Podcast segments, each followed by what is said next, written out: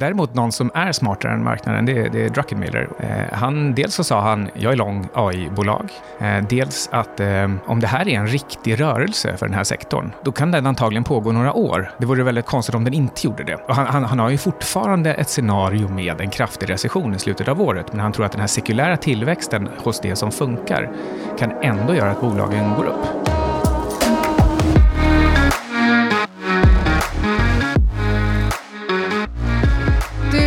Lyssnar på Antilop Podcast med Anna Svan och Syding. Syding. Ja, men bra. Vi har ändå eh, gått från förra veckan, tror jag det var, nej, förra veckan innan det, när, jag sa, när du sa Carl Mikael och så var det för att du tyckte att, du, att jag hade pratat lite långsamt och då drog du till med hela namnet. Jag tänkte säga hela namnet nu också för att visa att jag kan säga det ironiskt. ja, du... Um... Jag har mer grejer från 80-talet. Kom, det kommer. Det kommer. Vi har en hel del att avhandla idag. Jag läser ju en bok från 2012 och eh, ja, lär mig ganska mycket om... Välkommen in i spelet, Anna Svan. Eh, jag lär Market mig... Wizards, 200 poäng.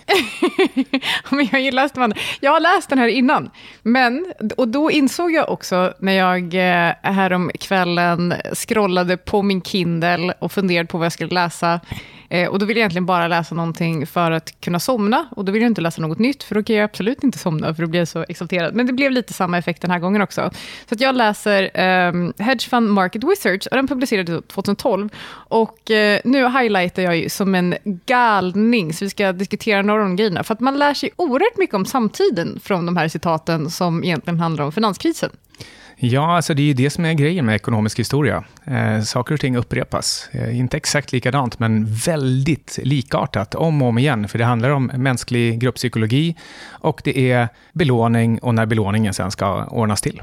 Precis, och eh, för att inte uppröra de eh, eh lyssnare Börspodden. som, eh, precis, som inte pratar engelska, så eh, tänkte jag att jag ska inte läsa upp de här citaten. Eller rättare sagt, du sa till mig när jag skickade de här anteckningarna, för jag skickade typ två A4-sidor med anteckningar på engelska, och du sa att du får inte prata engelska i podden, så då får jag inte göra det heller. Men då får jag väl förklara det som står då. Men i, eh, i den här boken så säger eh, Eh, så pratar de bland annat om vad som hände under 2008 och eh, då säger den här personen som blev intervjuad att eh, anledningen till att marknaden studsade i andra kvartalet 2008 var för att människor efter Bear Stearns bailouten i mars 2008 trodde att det hade liksom löst alla problem.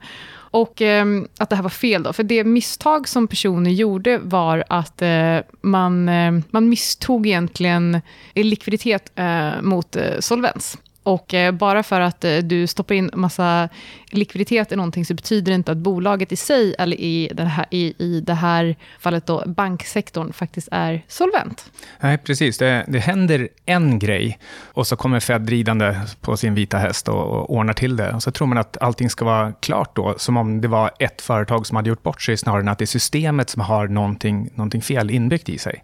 Um, det, det här blir lite paralleller också till att Michael Burry, han kollade och läste sina dokument där 2006 och, och såg att det här går ju inte. Det, det, går absolut inte. Jag tar ett helt säkert bett på det här. Och så höll han på att köra sig i, i botten på det. Och, och, det gjorde han trots att redan augusti 2007, det var då marknaden toppade. Augusti 2007 var också en sån där månad då alla hedgefonder gick bort sig. Eh, för det var liksom en, en, en, en sist, eller det var första riktigt tydliga signalen på att det här går åt skogen. Ändå så dröjde det ända till mars 2008, alltså ytterligare ett halvår eh, innan Bear Stearns hände. Och, och efter det ni, eh, sex månader till innan det var dags för Lehman och, och folk verkligen tog det här på allvar. Så eh, lärdomen blir väl egentligen att ja, men det kommer vara fler skor som faller, som Druckenmiller sa i en intervju här för sex dagar sedan. Ehm, och också att den, de där andra skorna som faller, de kan falla väldigt långt senare, hur stora de än är. Precis, och, sen, och, och då är det också intressant då, för att då får han då frågan, men när, när ska man ta liksom en motsatt position eh, mot marknaden? Eller rättare sagt, när ska man gå kort på att man ser att, eh, att man befinner sig i en bubbla? Och eh, då svarar han eh, kort och gott, du kan vänta tills marknaden faktiskt börjar bry sig. Och det där tyckte jag var så himla bra, för jag, jag tror att det, det där har man ju gjort någon gång. Eh, man tycker att eh, marknaden är dyr, eh, den bör ju gå ner som om marknaden är effektiv. Det, det slår mig nu, jag pratar alltid om att marknaden är ineffektiv, ändå har jag försökt korta marknaden på just, eh, på just det. Eh, och så hanterar man toppar som bottnar, alltså så här by the dips, man, man lärt sig att det, det du måste vara snabb om du ska fånga de där små bottnarna, och då yeah. tror man att det är samma sak med toppen. Ja, men precis. Och eh, så är det ju inte. Så han säger då att eh, vänta tills människor och marknaden eh, börjar bry sig. Så du vill, du vill egentligen inte bara korta för marknaden faktiskt har börjat vika ner. Och eh, det kan man väl säga nu då, för nu har vi ju liksom en eh, rätt skön melt-up. Eh, och jag har inga korta på nu, jag vågar liksom inte det. Eh, och eh, helt ärligt så känns det som att marknaden skulle lika gärna, alltså eh, både S&P och Nasdaq skulle lika gärna kunna fortsätta eh, en bra bit upp. Nu bara för att jag säger det så ser vi väl toppen snart. Eh, men det är ju värsta AI-frensin också. Eh, alla ska med på AI-tåget. Jag läste, jag såg bara rubrik på någon artikel någonstans att det var ett eh, AI-bolag som var fyra veckor gammalt och de hade rest typ 25 miljoner eller om det var 125 miljoner dollar. Ja, vi kan nog höja räntan lite till, men det ska vi inte. Um, ja, alltså Hassman, han eh, eh, är typ en erkänd permabear. Det är han definitivt inte, för han brukade bli kallad för permabull under tiden som marknaden låg lågt och sen redan den hela vägen upp. Men sen visste han har shortat bort sig lite grann eh, under tiden. Men han har ju också kommit fram till, för en 10-15 år sedan faktiskt, att ehm, han mäter egentligen någon slags momentumindikatorer. Så kallar han det för market internals. Det är om allting drar åt samma håll eller inte. Och, och drar åt samma håll, då, då är internals positiva. Då spelar värderingen absolut ingen roll. Förr i tiden så trodde han att om, om marknaden var tre till fyra gånger så dyr som det historiska snittet, då var den dyr. Då, då får man shorta. Och, och det kanske var så före 2008. Ja, innan man tryckte in massa likviditet i marknaden som gjorde att helt plötsligt fanns det liksom excessive liquidity som mm. skulle någonstans. Må många pratar om att det är väldigt mycket som ändrades efter 2008. Dels har det blivit mycket fler algostyrda fonder. Um, mycket mer penningtryckande såklart. Vi har en he helt ny era efter 2008. Så um, det, det, är inte lika lätt att handla på fundamenta längre, eller laggarna blir i alla fall längre. Ja, eh, jag håller verkligen med. En, annan, en annan sak som, eh, som jag också då noterade och antecknade, eh, det var att han pratade om eh, när Fed höjde räntan mellan 2005 till 2006. Och ehm, eh, terminsmarknaden eh, fortsatte att prisa in att eh, den här eh, höjningscykeln skulle vara över snart. Eh, och marknaden fortsatte betala dig om och om och om igen för att faktiskt ta den här traden och sa att kanske kommer de att sluta höja räntan. Är det här någonting som låter bekant? Jag tycker vi har pratat om det här massor med gånger, om att eh, ingenting är diskonterat och allting diskonteras flera gånger. Ja, exakt. Och, eh, och sen så lägger han till då att det är väldigt, väldigt, väldigt osannolikt att Fed ska gå direkt från att höja räntan till att på en gång sänka den. Ja, genomsnittet är väl 6-7 månader tror jag däremellan. Precis, och det här glömmer folk av. Eh, det är som att man någonstans tror på typ en Lindy-effekt fast tvärtom. Det är som bara för att vi höjer räntan så kan den gå också rakt ner precis efter. Men det är ju, eh, det är inte riktigt eh, så det fungerar. Du höjer räntan, du pausar, du kollar om liksom recessionen är transitory typ innan du faktiskt... För du, du måste ju, de är ju databeroende säger de. Eh, så det de gör är att de måste invänta data eh, under en tillräckligt lång period innan de faktiskt kan agera på datan. För en månads data eller ett kvartals data eh, är ingenting. Eh, två månader eller två kvartals data är ingenting. Men därefter så kan du börja urskilja ett mönster. Och är det då så att, säg att ehm, amerikanska CPI kom in nu till exempel, det var i något, något, något lägre än väntat. Eh, säg då att eh, den helt plötsligt skulle komma in eh, nästan deflatoriskt, nu kommer inte det ske. Eh, men, ehm, eh, men då skulle det ändå vara som så att Fed kan inte agera på den siffran, de måste vänta eh, en eller två månader till, eller helst liksom, eh, eh, ja, men exakt, precis som du sa, sex till sju månader. Men det är också rätt sällan som de gör en sån här paus och sen fortsätter uppåt. För de gör pausen för att de anar att det kanske blir en liten avmattning och sen visar det sig att jaha, men cykeln funkar precis likadant som den alltid gör. Så, så nu springer vi rätt in i en recession. Vi tog i för mycket igen. Precis. Eller hur menar du då? En paus och sen sänkning? Ja, precis. ja, jag tyckte du sa en paus och sen fortsatt höjning. Ja. Och jag bara försökte spela upp i ja. hela Eh, jag bara, nej, jag tror inte jag har sett ett enda fall av det faktiskt. Nej. Så, så, och jag lyssnade på David Hunter, det är han den här indexeringsspecialisten som pratar om en super meltup. Bland annat så är hans scenario att eh, vi får se S&P i kanske 6-7 tusen i år. Ehm, och, och någonstans där så, så kommer Fed sluta pausa eller sluta sänka och faktiskt höja istället. Och, och då kommer de stora skulderna i en total katastrofkrasch. Så glöm Hunter, han, han, han hittar på en massa konstiga saker åt Jag skulle båda säga, hållen. det, det, det finns inte ett enda fall i historien då vi har sett den typen av scenario. Så det känns lite som att han försöker vara smartare än marknaden. Ja. Och det kan du inte vara. Däremot någon som är smartare än marknaden, det är, det är Druckenmiller. Och han tror ju inte ens det själv, fast, fast han är det och har varit det i 30 år. Och jag lyssnade på en intervju med honom också i morse. Eh, och eh, Eh, han, dels så sa han, jag är lång AI-bolag. Eh, dels att eh, om det här är en riktig rörelse för den här sektorn, då, då kan den antagligen pågå några år. Det vore väldigt annorlunda, eller vore väldigt konstigt om den inte gjorde det. Så, så han ligger långt om. Han tror att det kan även... och Han, han, han har ju fortfarande ett scenario med en kraftig recession i slutet av året, men han tror att den här sekulära tillväxten hos det som funkar kan ändå göra att bolagen går upp. Men jag tror inte Druckenmiller är smartare än marknaden. He's uh, smart like the market. Ingen kan vara smartare än Hur marknaden. säger man? Hur, vad var det talesättet? Smart like the market? Ehm, ja, det var en, en gammal förvaltarkollega eh, som sa marknaden är smart. Marknaden är smart. Eh, med helt enkelt betydelsen att det, marknaden ligger före hela tiden. Den, den, den ligger och testar, testar det, scenarier. och det är så lite- roligt. Marknaden ligger inte före, det är vi som ligger strax efter. ja. Men, men. Eh, tid är bara en social konstruktion ändå, så vi kan varken vara före eller efter eh, presentives, mina Gold, vänner. Goldman är också med på det här upp, upptåget. De höjde, eh, det, det är inte det ordet man använder. Eh, de, Vilket ord använder man då, Micke? Är det på svenska eller på Eh, engelska? Upptåg är sånt som de gör, eh, sysslar med i Lund.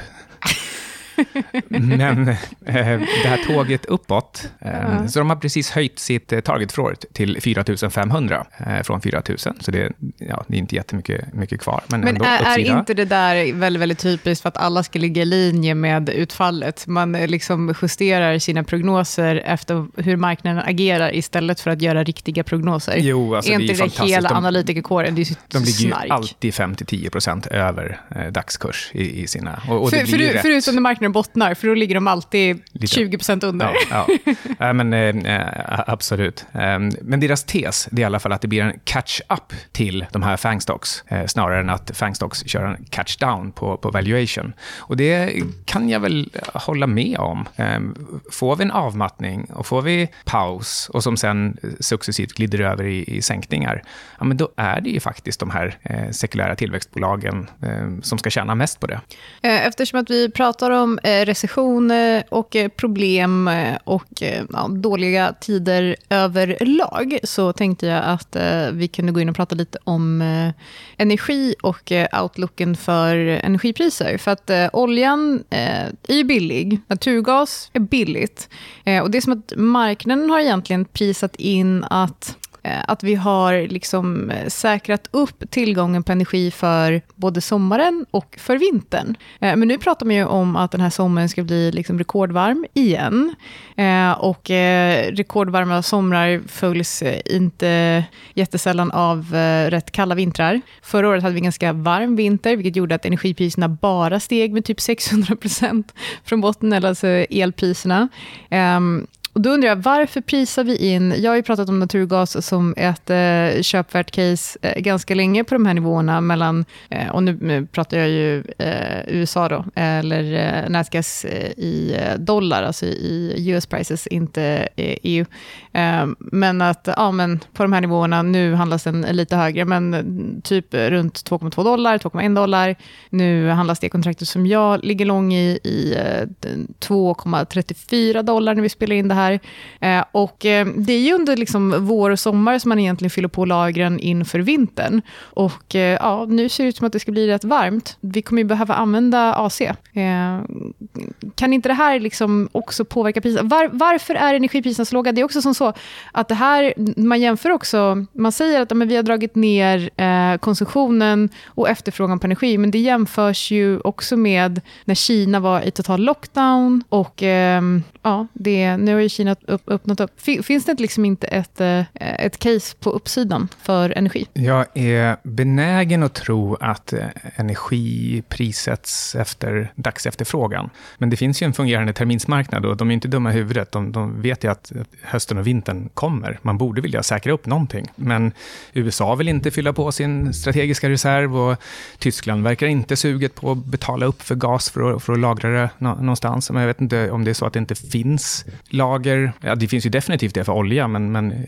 Tyskland kanske inte har kapacitet för det. Ehm, men det är ju nu under sommaren som de ska fylla upp sina gaslager inför vintern. Jag, ja, nej, eh, jag, eh, vet inte, man kanske bara helt enkelt hoppas. Eller så finns det en annan tolkning och det är att Kina faktiskt är jättesvagt. Eh, och det även USA. Eh, och det skulle man kunna läsa in i PPI-priser som var extremt svaga i Tyskland, faktiskt också eh, verkligen, verkligen svaga i Kina. De svagaste sedan 2016 i eh, PPI-utveckling för en enskild månad. Ehm, och nu senast igår så kom Services priser i USA.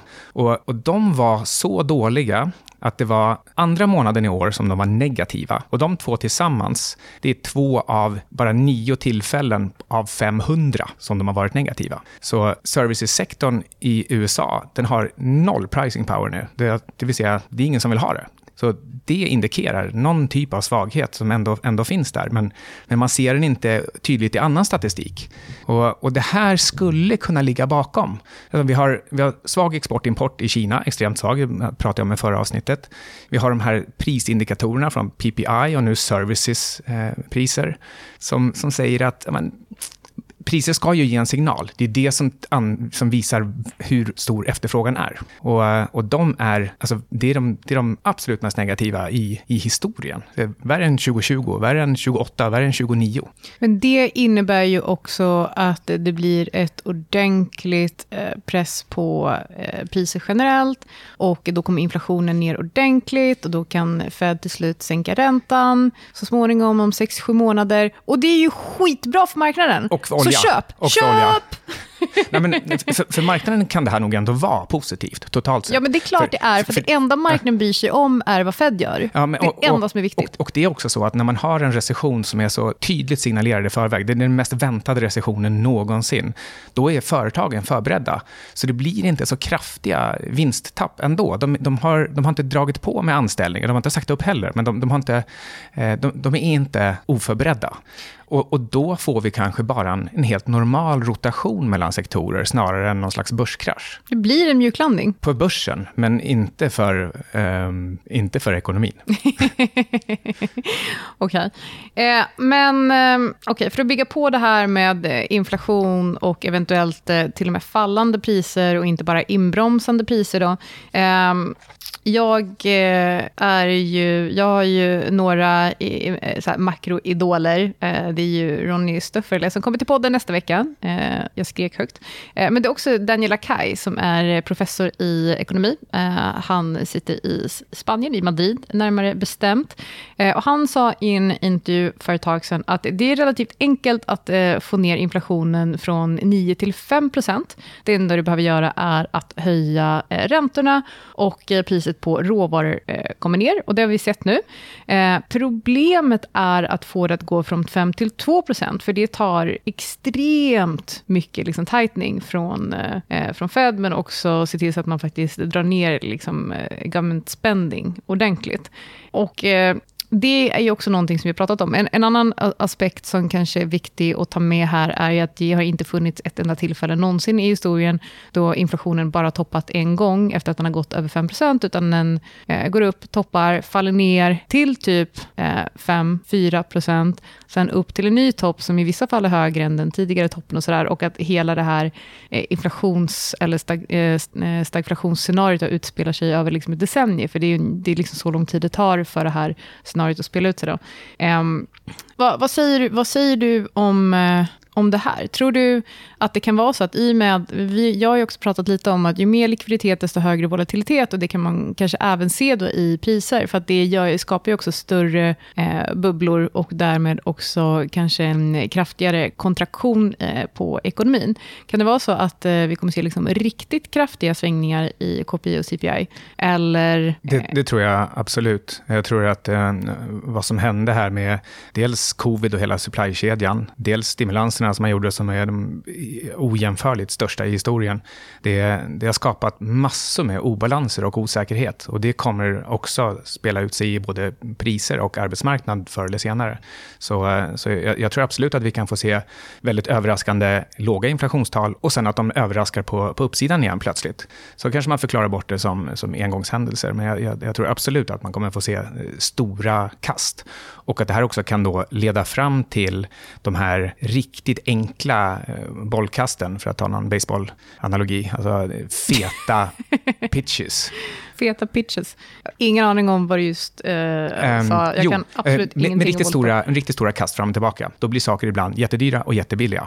Uh, du pratar om hög volatilitet i KPI. Ja, men jag menar att men, du får hög men, volatilitet i KPI och ja. det leder till hög volatilitet i, i andra saker också. Ja, men så är det ju. Självklart, för vad är KPI ett mått på? Ja, ekonomin, efterfrågan. Priser. Ja. Okej, eh, men eftersom att vi ändå nämnde Kina då. Eh, om Kina är super, super, super, super svagt då. Eh, kan den här ekonomiska slowdown, eh, ned... Vad fan säger man? Jag måste, jag måste sluta skriva anteckningar. Inbromsning kanske? Inbromsning kanske. Eh, kan, kan det ha lika mycket att göra med eh, real estate-fastighetsbubblan? Eh, kan det ha lika mycket att göra med deras fastighetsbubbla? Får, man, får man hälsa? Då vill jag hälsa till Börspodden. Ja, ja jag, jag hoppas ja, att eh, de förstår okay. vad um, uh, Jo, men, jo, men det, det, det tror jag. Um, och, och jag tror Kina har lärt sig ett och annat också av att de förut räddade ekonomin på samma sätt som USA har gjort. Man stimulerar och sen så drev man upp en fastighetsbubbla och man såg på det med ganska goda ögon och tyckte att det här, det här det här är väl ganska bra. Och sen insåg man att det kommer en efterräkning på såna här keynesianska effekter. Så eh, Kina kommer inte falla för the Keynesian banana in the tailpipe två gånger. De föll för den en gång och, och nu kommer de inte stimulera igång ekonomin igen. We're the first team. Yeah, we're not gonna fall for a banana in the tailpipe. You're not gonna fall for the banana in the tailpipe? it should be more natural, brother. It should flow out like this. Look, man, I ain't falling for no banana in my tailpipe. Nej, och det har man ju faktiskt sett att de har ju faktiskt varit mycket mer eh, konservativa med eh, eh, sina stimulanspaket än till exempel USA. Så att jag är helt med på din analys där. Och, och, och ser man det med de ögonen, så nu ska det ju vara öppnande och total hås i Kina. Eh, och ändå så passar han på att hej, eh, sänka reporäntan lite grann. Och det snackas också om kanske en, en RRR-sänkning med 25 punkter. Det här är ganska försiktiga åtgärder, ganska små. Eh, men kanske kan även pyttesmå åtgärder sända signalen att, det, att Kina gör någonting. Men att de överhuvudtaget gör någonting nu, när det borde, det borde liksom Liksom bara var glödhett i kinesisk ekonomi efter återöppnandet. Det är ett tecken på att det är faktiskt både att det är jättesvagt och att de inte vill eh, köra Keynes-spelet igen. Och för att bygga på på Kina, en sak som vi har pratat om är ju de-dollarization, alltså att eh, eh, dollarn över tid kommer att eh, tappa efterfrågan eh, och att vi kanske går över till en annan global reservvaluta eller en kombination av andra, eh, eller inte så här, inte att vi byter global reservvaluta, för det är inte 1947 längre, utan eh, att man däremot ser eh, i större grad att man använder sig av eh, fler valutor eller har fler valutor än dollarn i sina eh, valutareserver. Och det är en trend som vi sett supertydligt sedan år 2000. Eh, och eh, då kan det vara så, för att eh, kinesiska renminbin har ju, eh, har ju, tagit, eh, har ju gått från 0% till, eh, ja, för några kvartal sen ett par, 3 procent. Och så den där tillväxttakten är rätt liksom, kraftig. Och då finns det då en teori om att Kina vill inte alls bli en ny global reservvaluta men däremot så är målet, eh, för de eh, settlar ju väldigt mycket av sin handel i eh, sin, i sin valuta nu med sina trading partners. Och vi pratade också för ett par veckor sedan tror jag om deras version av Swift-systemet som möjliggör att man ska kunna skicka renminbi in och ut ur landet. Och och ehm, då finns en teori som säger att de vill inte alls bli den nya reservvalutan, men eh, att målsättningen då skulle kunna vara att se till så att eh, kinesiska renminbin eh, utgör lika stor del i globala valutareserver som, eh, eh som, eh, som eh, Kinas eh, eh, GDP står för av det, totalt av världen. Mm, ja, det låter väl inte orimligt. De, de, har den här delikata balansgången att de vill absolut inte att några oligarker eller för övrigt helt, helt vanliga rika medborgare ska kunna fly landet och ta med sig pengarna. Eh, och samtidigt så vill de att det, de ska ha lite kontroll över sina handelspartner. Och vad bättre kontroll än att, att det är deras valuta man använder? För det innebär ju också att skulle Kina vilja låna pengar så, så kan de göra det. Eh, det är lite, lite svårare idag. Så eh, de borde ju åtminstone vilja ha eh, vara någon slags reservvaluta eller handelsvaluta hos sina absolut närmaste partners. Nu ser jag här i dina anteckningar att du har skrivit just nu är det Schrödingers börs. Och då tänker inte jag helt osökt på, du kan, få, du, kan få, du kan få prata om det först och sen så kan jag avsluta med eh, att skälla lite på dig alla quantum bullshit som Chris Perry. ja. Du vet exakt vad jag är ute ja, efter va? Jag har läst den boken. uh, och jag är med, högst medveten om den där katten, att det bara var ett skämt från Schrödinger. Men eh, vad jag menar här, Eh, det är att eh, det är en genuint osäker period. Vi, eh, eh vi vet inte riktigt vad Fed kommer göra. Eh, vi har starkt momentum för dyra aktier. Antagligen är de för dyra. Antagligen är börsen också för dyr för att det ska kunna hålla på sikt. Men samtidigt så finns det mycket som pekar på att det här momentumet kommer hålla i sig. Det är inte så att det finns mindre pengar i världen, eller som du sa innan, det här med, med att ska man få ner inflationen så måste man hålla igen på stimulanserna. Senaste månaden månaden hade USA ett budgetunderskott på 250 miljarder dollar. Eh, dubbelt så högt som månaden innan. Det blir 3 trillion på årsbasis. De har 31 trillion i skuld nu, så det är 10% fler, liksom, mer skuld på bara ett år om de håller den takten. Det är ju stimulans à la carte. De, de vill ju blåsa på här. Och samtidigt så har vi det här narrativet med, eh, med AI, som ja, men det är både på riktigt, det är på riktigt ett tag. För det kommer ske massor med investeringar och det kommer dra till sig det mesta av rotationskapitalet. Så eh, du har dyra saker som jag väldigt väl kan argumentera för ska fortsätta upp tillräckligt länge för att vara tradable eh, utan, utan någon liksom större risk. Och eh, samtidigt massor med billiga bolag som antagligen kommer bli billigare när ekonomin faller. Alltså olja, mining, banker, Um, som sagt, det är inte, sista skon har inte fallit i banksektorn ännu. Så vad gör man här? Alltså, man skulle ju vilja göra, gå emot båda två, uh, men det går ju inte. Uh, för då blir man utrökt direkt. Nu ska du få säga bullshit. Nej, men jag tänker bara att vi får väl utbilda våra lyssnare lite, eller, eller rättare så här. Uh, det här konceptet Schrödingers katt används ju som ofta i populärkultur som ett exempel på Eh, om du inte öppnar lådan så vet du inte om katten är död eller inte. Men det är ju inte det det är, det är inte det som han menade. Eh, det var ju egentligen bara ett skämt där han skulle förklara eh, att det, det är svårt att liksom avgöra när kvantfysik övergår till klassisk fysik. Och att den här katten då ligger i en låda med typ så här eh, eh radioaktiva eh, atomer. Och i och en giftampull, har jag för mig att man brukar säga, som ska utlösas av sönderfallet. Ja, exakt, så är det. Eh, men eftersom att eh, matematiskt så kan man liksom inte koppla ihop kvantfysik med klassisk. Det här kanske är överkurs för folk. Skitsamma, sluta använda Schrödingers katt som eh, att, att, att, i princip som att vara eller icke vara, för det, det är inte det det betyder. Det var ett eh, exempel. Men... Ett eh, teoretiskt exempel på att visa på att du kan liksom inte, du kan inte matematiskt förklara förklara när kvantfysik övergår till klassisk fysik. Eh, ja, men eh, nu är det här dagligt tal, så då, då får man bara köpa det. Nu, nu, han har fel. Um, så man, man, folk pratar om Schrödingers katt så här och då kommer man fortsätta göra det. Schrödinger vrider sig i sin grav. Jag tror många som, eh, som pratar om Schrödingers katt, de har ingen aning om att det är, eller har någonting med kvantfysik att göra heller. Nej, men nu vet ni som har lyssnat på det. Lyssnat på oss, det. Antilor. Sugarskatt.